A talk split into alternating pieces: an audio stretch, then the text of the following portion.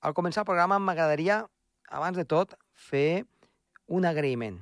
Un agraïment a totes aquestes persones que col·laboren cada setmana, o si més no, cada dos, tres setmanes en el programa Torp i que fan que aquest programa pugui tirar endavant. Entre elles, en Gerard Tauler, en Sergi Càrcelet, en Josep Maria Gasca, en Pere Moliner, en Lluís Miquel Pérez i en el darrer fitxatge, en Marc Casó. A tots ells, moltes gràcies i també a totes aquelles persones que aniran arribant al llarg d'aquests propers mesos. Comença el torn.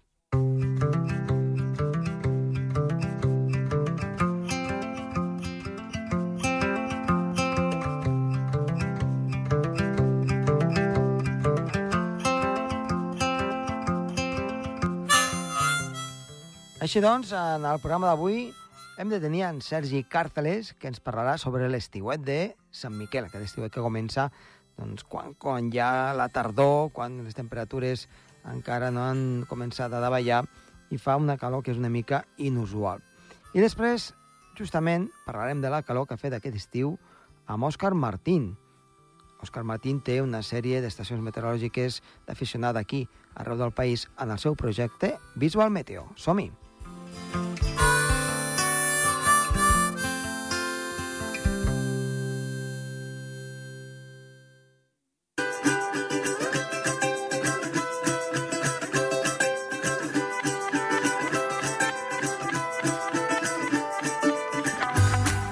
Comencem el programa i recuperem a Sergi Càrteles després d'uns dies en què va estar una mica retirat. I ara ens dirà per què. Sergi, què tal? Hola, com estem? Com Molt bé. tot? Va anar bé tot? Doncs sí, sí, va anar bé.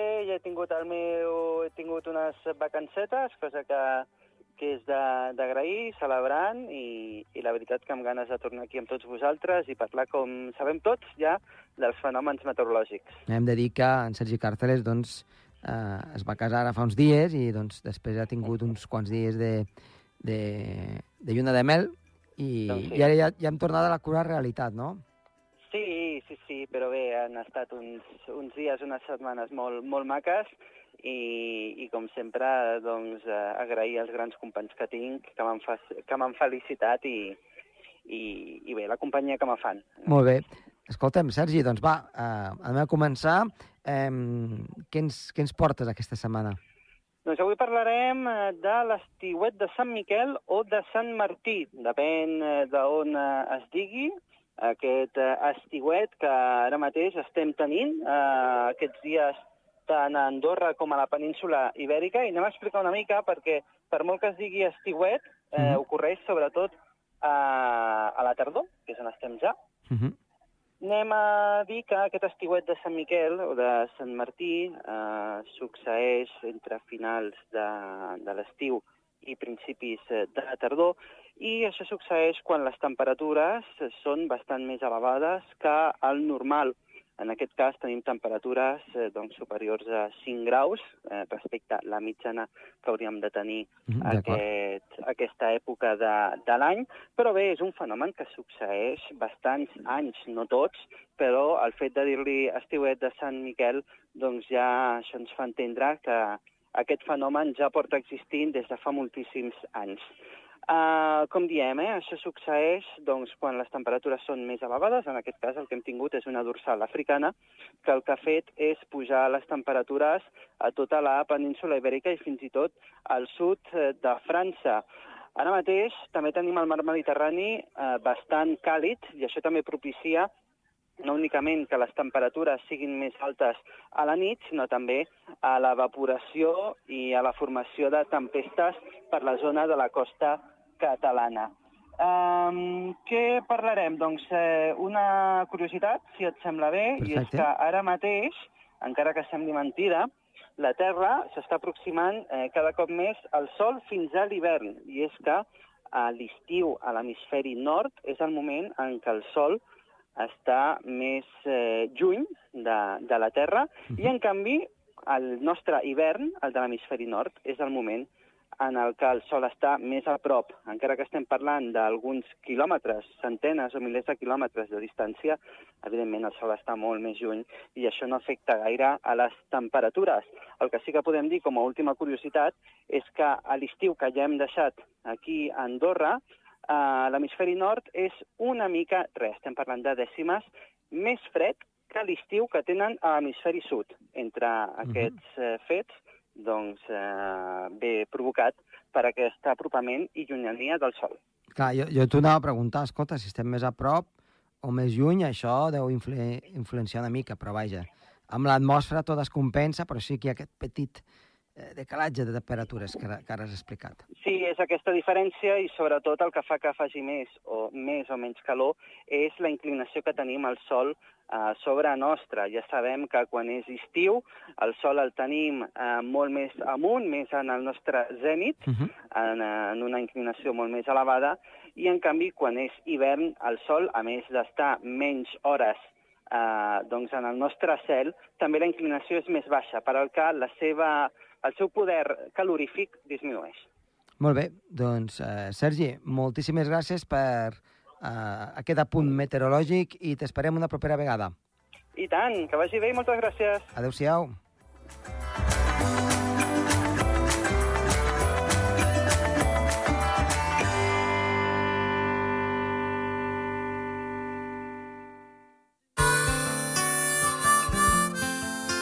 El Torb, amb Josep Tomàs.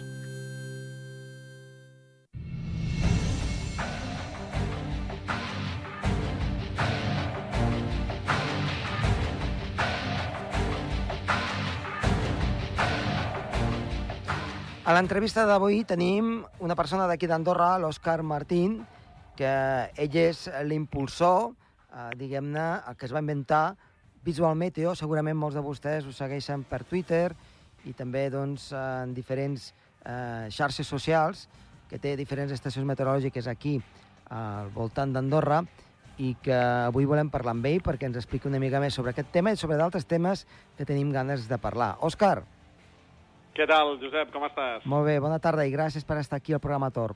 Bona tarda. Escolta'm, abans de començar amb el tema doncs, que havíem pactat ja de parlar, eh, què et sembla si eh, pels nostres oients expliques una mica tot el teu projecte, que em sembla molt interessant.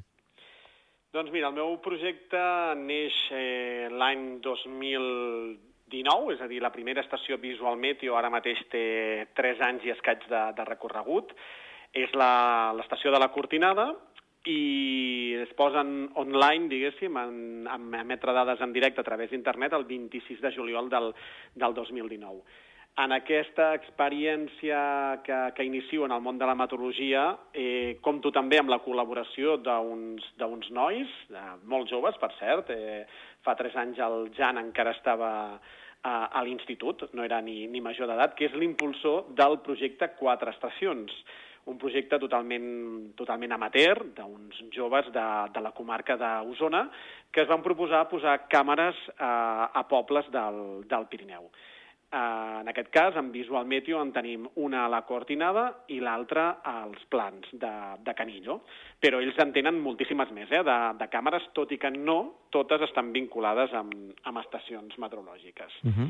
I els de Visual Meteo, és a dir, jo, eh, bueno, un cop comences a posar-ne una, dius, ai mare, doncs amb una què fem, no? Vull dir, a mi m'agradaria saber també doncs, altres situacions de- d'Andorra que, que podem trobar eh, pel que fa a temperatures, no? El que...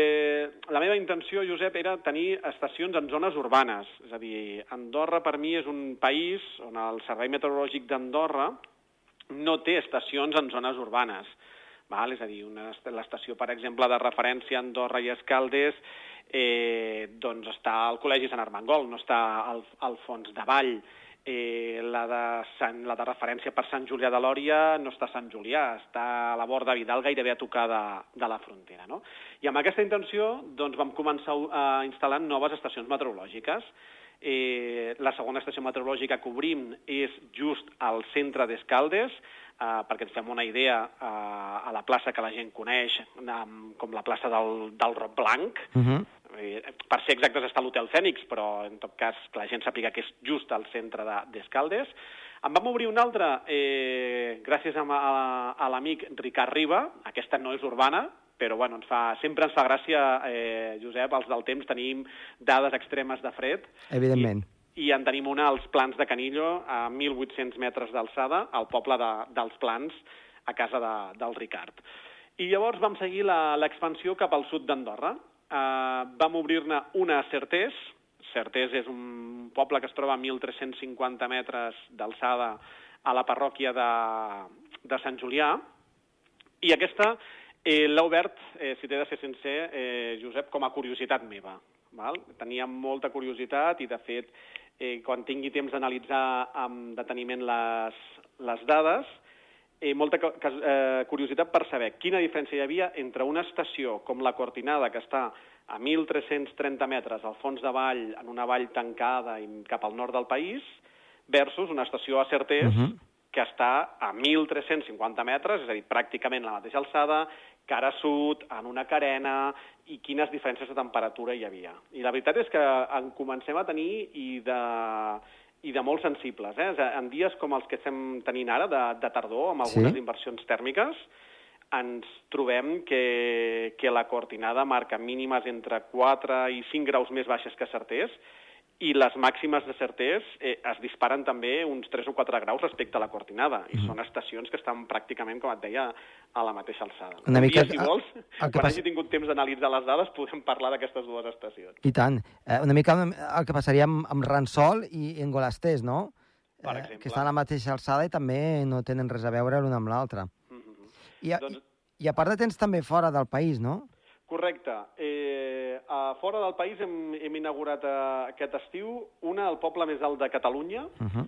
que, es diu, que es diu Rubió, dalt de tot del, del port del Cantó. Està a, mil, a 1.714 metres, aproximadament, 1.715, depèn, depèn l'altímetre com el tinguis calibrat en aquell moment. I aquesta ens servirà també per comparar doncs, eh, aquests temporals, eh, Josep, que venen de nord, que a nosaltres eh, ens afecten molt, per exemple, a les valls de, del nord o també cap a la zona de, del Pas, Canillo, etc, però que a, a Rubió tenen un dia assolellat i pràcticament en calma. Doncs sí, I al revés, tempestes que, que ens poden arribar eh, pel sud, que, que ens toquen de resquitllar de la zona de frontera i que la resta del país no, no les veiem. Sens dubte, una estació també interessant i del primer que podem dir d'aquesta estació que, que es va inaugurar doncs, aquest, aquest agost és que és una zona molt ventosa. És a dir, Visual Meteo Rubió, diguéssim, l'estació d'allà, és l'estació que de mitjana més vent té de totes les que tinc fins ara instal·lades. déu nhi Per tant, eh, tens una mica col·locades estratègicament, eh, suposo que també a poc a poc ho, ho aniràs ampliant. Um, ara que et tocaria potser Sant Julià, no? Pobre. En tenim una, una oberta a Sant Julià, eh, just a sobre del centre de congressos, que s'ha inaugurat aquest estiu. Uh -huh. I la veritat que també aquesta és interessant perquè molts dies eh, coincideix amb temperatures màximes amb, amb la d'Escaldes, és a dir, l'efecte conurbació urbana els hi dona més o menys la mateixa temperatura, però en canvi la diferència, per exemple, amb Certés, que estan, podríem dir, pràcticament una a la vertical de l'altra, eh, és de 3 o 4 graus, tranquil·lament, cada dia. Vull dir que tindrem temps també d'analitzar les de Sant Julià, però aquestes, per exemple, pel tema que m'havies comentat del que parlarem, uh mhm. -huh. no ens serveixen perquè han entrat en funcionament, en funcionament aquest any. Clar. Eh, doncs és, és un projecte doncs, molt interessant. Eh, és, diguem-ne, no, no oficial, no és, no és de, del Servei Meteorològic Nacional, sinó és eh, totalment privat i particular, mm-hmm. però eh, igual que passa als Estats Units, hi ha tantes zones d'Europa, no?, que mm, s'ajuden tant el que són els particulars com els centres nacionals per intentar fer una millor previsió meteorològica, tenim més dades que a vegades doncs, se'ns escapen perquè, doncs, evidentment, no, no es pots tenir una estació meteorològica arreu del país i al final el que surt guanyant és, és la meteorologia i intentar doncs, saber doncs, eh, puntualitzar molt millor com és el clima d'una zona en concret, no?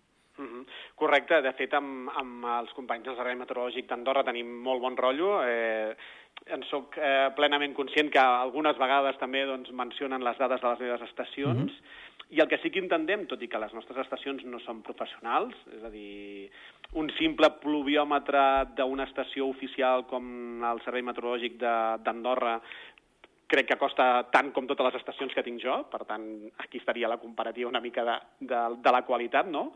Però sí que hem, hem, hem intentat, i això els del Servei Meteorològic d'Andorra ho saben, eh, instal·lar les, les estacions en zones que, que les, les dades siguin el més homologable possible. Uh -huh. val? Per exemple, a la zona de la Cortinada està en un camp obert, a la zona d'Escaldes està dalt d'un taulat, el mateix a Certés i a Sant Julià, als Plans és un camp obert i a Rubió també torna a ser un camp obert. No? Intentem buscar, dins de les limitacions que s'ofereix, doncs, instal·lar estacions que, que no són del tot professionals, que com a mínim les dades siguin uh, el més certeres possible. Molt bé. Doncs uh, que girem full una mica i anem a, anem a parlar del tema de, de que havíem pactat, que és una mica doncs, de tot el que ha anat passant aquests, aquests darrers temps, no? Doncs sí, eh, parlem d'aquest estiu. Exacte. Un, un estiu que... Històric, eh? Sí, històric, que, que recordarem. No sé quan tornarem a, a veure'n un d'aquest tipus, però eh, els que fem meteorologia és un estiu que ens ha, ens ha impactat molt, perquè ha sigut eh, molt llarg, i a part de llarg ha sigut eh, intens, eh, repetitiu, contundent. Ens han faltat les tempestes d'estiu de, que, que feien que una tarda d'agost o una tarda de juliol, si sorties a partir de les 9 de la nit per qualsevol lloc del país, haguessis d'anar amb una rebaqueta. I la veritat és que t'he recollit unes quantes dades que crec que, que, que són curioses sense entrar en, en anàlisis d'aquests, de, de percentils, de quartils, de temperatures màximes o mínimes, val? perquè la gent ens entengui. Eh, amb dades de la Cortinada, val? que és, l'estació que fa 3 anys que, que funciona íntegrament a l'estiu, val? Eh, l'estiu del 2020, l'estació de la Cortinada, Josep, va tenir 5 dies amb temperatures per sobre dels 30 graus. Déu-n'hi-do a l'estiu del 2021 en va tenir 4, per sobre dels 30 graus. Uh, en aquella onada de calor que va haver-hi -huh. just al, al mes d'agost, entre el 12 i el 15 d'agost.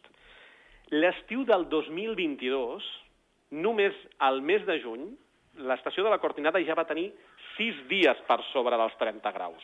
Que aquí ja... 20 dies al mes de juliol i 8 dies al mes de eh, agost. En total, una estació que portava els últims anys, això, 3, 4, 5, 6 dies de, de temperatures per sobre dels 30 graus, ha marcat aquest any 2022 34 dies per sobre dels 30 graus. Clar, jo quan has parlat de 5 dies o 6, ja dic, déu-n'hi-do, perquè dius, home, ja són, per ser la cortinada ja són força dies. Però clar, amb el que ara m'estàs dient és un disbarat és un disbarat. I també és un disbarat, per exemple, a l'estació d'Escaldes, mhm. eh, uh -huh. Aquest estiu ha arribat als 50 dies amb temperatures iguals o superiors als 30 graus. 50 dies, són pràcticament dos mesos seguits sí, sí. de temperatures per sobre de, dels 30 graus. Excepcional. De, excepcional. De fet, el, el mes de juliol, eh, només els dies 6, 7, i 27, 28, 29 i 30, l'estació d'Escaldes està per sota dels 30 graus. Sí, només 6 dies, diguem-ne. Correcte. Però no estem parlant... No, és que estem per sota dels 30 graus, però estem a, a 19. No, no. Estem per sota dels 30, però tenim 29 i mig, 28,1, 29,2... I la veritat és que quan mires dades de temperatura mitjana són realment esfereïdores. A Escaldes la temperatura mitjana del mes de juliol és de 24,2 graus, que es diu, es diu aviat. Eh? És moltíssim. I clar, les mínimes també deuen ser elevadíssimes, no? Les mínimes són, són elevadíssimes. Eh, de fet, Escaldes, eh, que és una estació urbana que, que també ens serviria de referència per Andorra la Vella, la zona més, més, eh, més poblada del país, eh, pràcticament no té una sola mínima per sota dels 10 graus eh, en tot l'estiu. És a dir, mirant les dades, l última temperatura per sota dels 10 graus mínima és del 27 de maig i tot just eh, les hem recuperat a, a mitjans de setembre, a partir del, del 17 de, de setembre. Hem recuperat temperatures escaldes mínimes per sota dels, dels 10 graus. Però una altra dada, que aquesta crec que és, que és interessant, allò que et deia, no? de dies amb temperatura màxima que queden frescos perquè hi ha hagut tempestes, ha estat ennuvolat, eh, i hem tingut aquella sensació de, ai, mira, dos dies que ens han trencat l'estiu, val? Doncs mira, et diré que els caldes van tenir una temperatura màxima per sota dels 20 graus, un dia que podem considerar fresc, val? Uh -huh. el dia 25 de maig, i no n'han tornat a tenir cap altre fins al dia 29 de setembre. Clar. No? Vull dir que, que es diu... Es diu molt ràpid perquè, clar, aquí al Pirineu eh, l'estiu durà justet un mes. Mm, sí, sí. Amb, amb màniga curta. Correcte. I ara hem estat quatre mesos, pràcticament. Hem estat quatre mesos eh, de màniga curta i llavors, mira, si, volem, si, si vols podem mirar també un altre criteri que es fa servir eh, per determinar quan comença i quan acaba l'estiu. Val? És a dir, eh, aquest criteri de 7 dies consecutius per sobre dels 25 graus i quan aquesta temperatura es deixa de donar, que és quan tornes a tenir 7 dies consecutius per sota dels 25 graus. Uh -huh. Val? Doncs mira, per exemple, en el, en el tema dels caldes, atenció, eh? l'estiu es va iniciar el 13 de maig, és a dir, a partir del 13 de maig les temperatures van eh, tenir 27 eh, dies seguits per sobre dels 25 graus i no han tornat a tenir 7 dies seguits per sota dels 25 graus fins al 25, 20 de setembre. I a la Cortinada, que recordem és una estació d'alçada, eh? estem parlant d'una estació de 1.300 metres d'altitud, una mica més, es va iniciar el 10 de juny i no es va acabar fins al 30 d'agost. Estem parlant de molts mesos, de molta calor, i crec que no n'hem sigut eh, conscients No. d'aquesta barbaritat de temperatures que hem tingut, que hem No. tingut aquest estiu i que esperem eh, que, Que- trigue, que triguem en, re- en repetir-ho. Eh? Sí, sí, perquè si no, eh, malament rai pel Pirineu i, pel, i per les zones del voltant, evidentment, no? Perquè la, la situació ha estat mm, terrorífica. La situació ha estat terrorífica, tots recordem eh, els perills als d'incendi al mes de juliol, sobretot. Tots crec que també vam veure i hem vist eh, zones molt estressades de vegetació a la Exacte. muntanya, amb, amb arbres eh, deixant anar fulles eh, al mig de, de l'estiu, però és que és eh, totalment normal. Per exemple, eh, el juliol va ploure cinc dies. Cinc dies van ploure. El juliol, el dia que més 16, 16 litres a les caldes, però és que la resta 3, 2, 1, 6... Hem tingut un estrès hídric molt important que crec que es nota clarament en els, en els rius i que esperem que aquesta tardor giri, perquè és que ara mateix eh, la mancança d'aigua és, és important. És evident. És evident. A, a, aquí a Andorra i, i també fora d'Andorra es nota molt més, evidentment, no? Però aquí ja es comença a veure eh, situacions mm, estranyes, no? Amb la vegetació, com tu, com tu ara bé, bé explicaves. Doncs Déu-n'hi-do, déu nhi déu eh, totes aquestes dades que ens han de fer pensar una mica eh, doncs cap on anem, què és el que pot passar en un futur i, i sobretot eh, donar-te les gràcies per, per aquest recull de, de dades que fas que ajuden una mica doncs, a que tothom sigui també conscient de, del que pot passar d'aquí en endavant i que juntament doncs, amb tots els que ens dediquem a aquest bonic ofici, eh, som aficionats i ens agrada la meteo, doncs ho donem a conèixer, que és el, del que es tracta. Perfecte. Òscar, Una última cosa. Digue'm. Ja, perquè diran, home, aquest noi, aquest noi ha parlat molt de temperatures, però no ens ha dit quin ha estat el dia més càlid de l'estiu. Ah, exacte. Doncs l'apuntem, va. Vinga. 16 de juliol, màxima escaldes 36,9, mínima 17,8, una mitjana de pràcticament 30 graus al llarg del dia. Déu-n'hi-do, déu nhi déu uh, D'aquí poc ja temperatures tropicals, les mínimes. Totalment. Eh? D'aquí poc. Doncs Òscar, Martín, moltíssimes gràcies i t'esperem una propera vegada. Eh, a vosaltres ha estat un plaer i fins la propera, que vagi bé. Adéu-siau.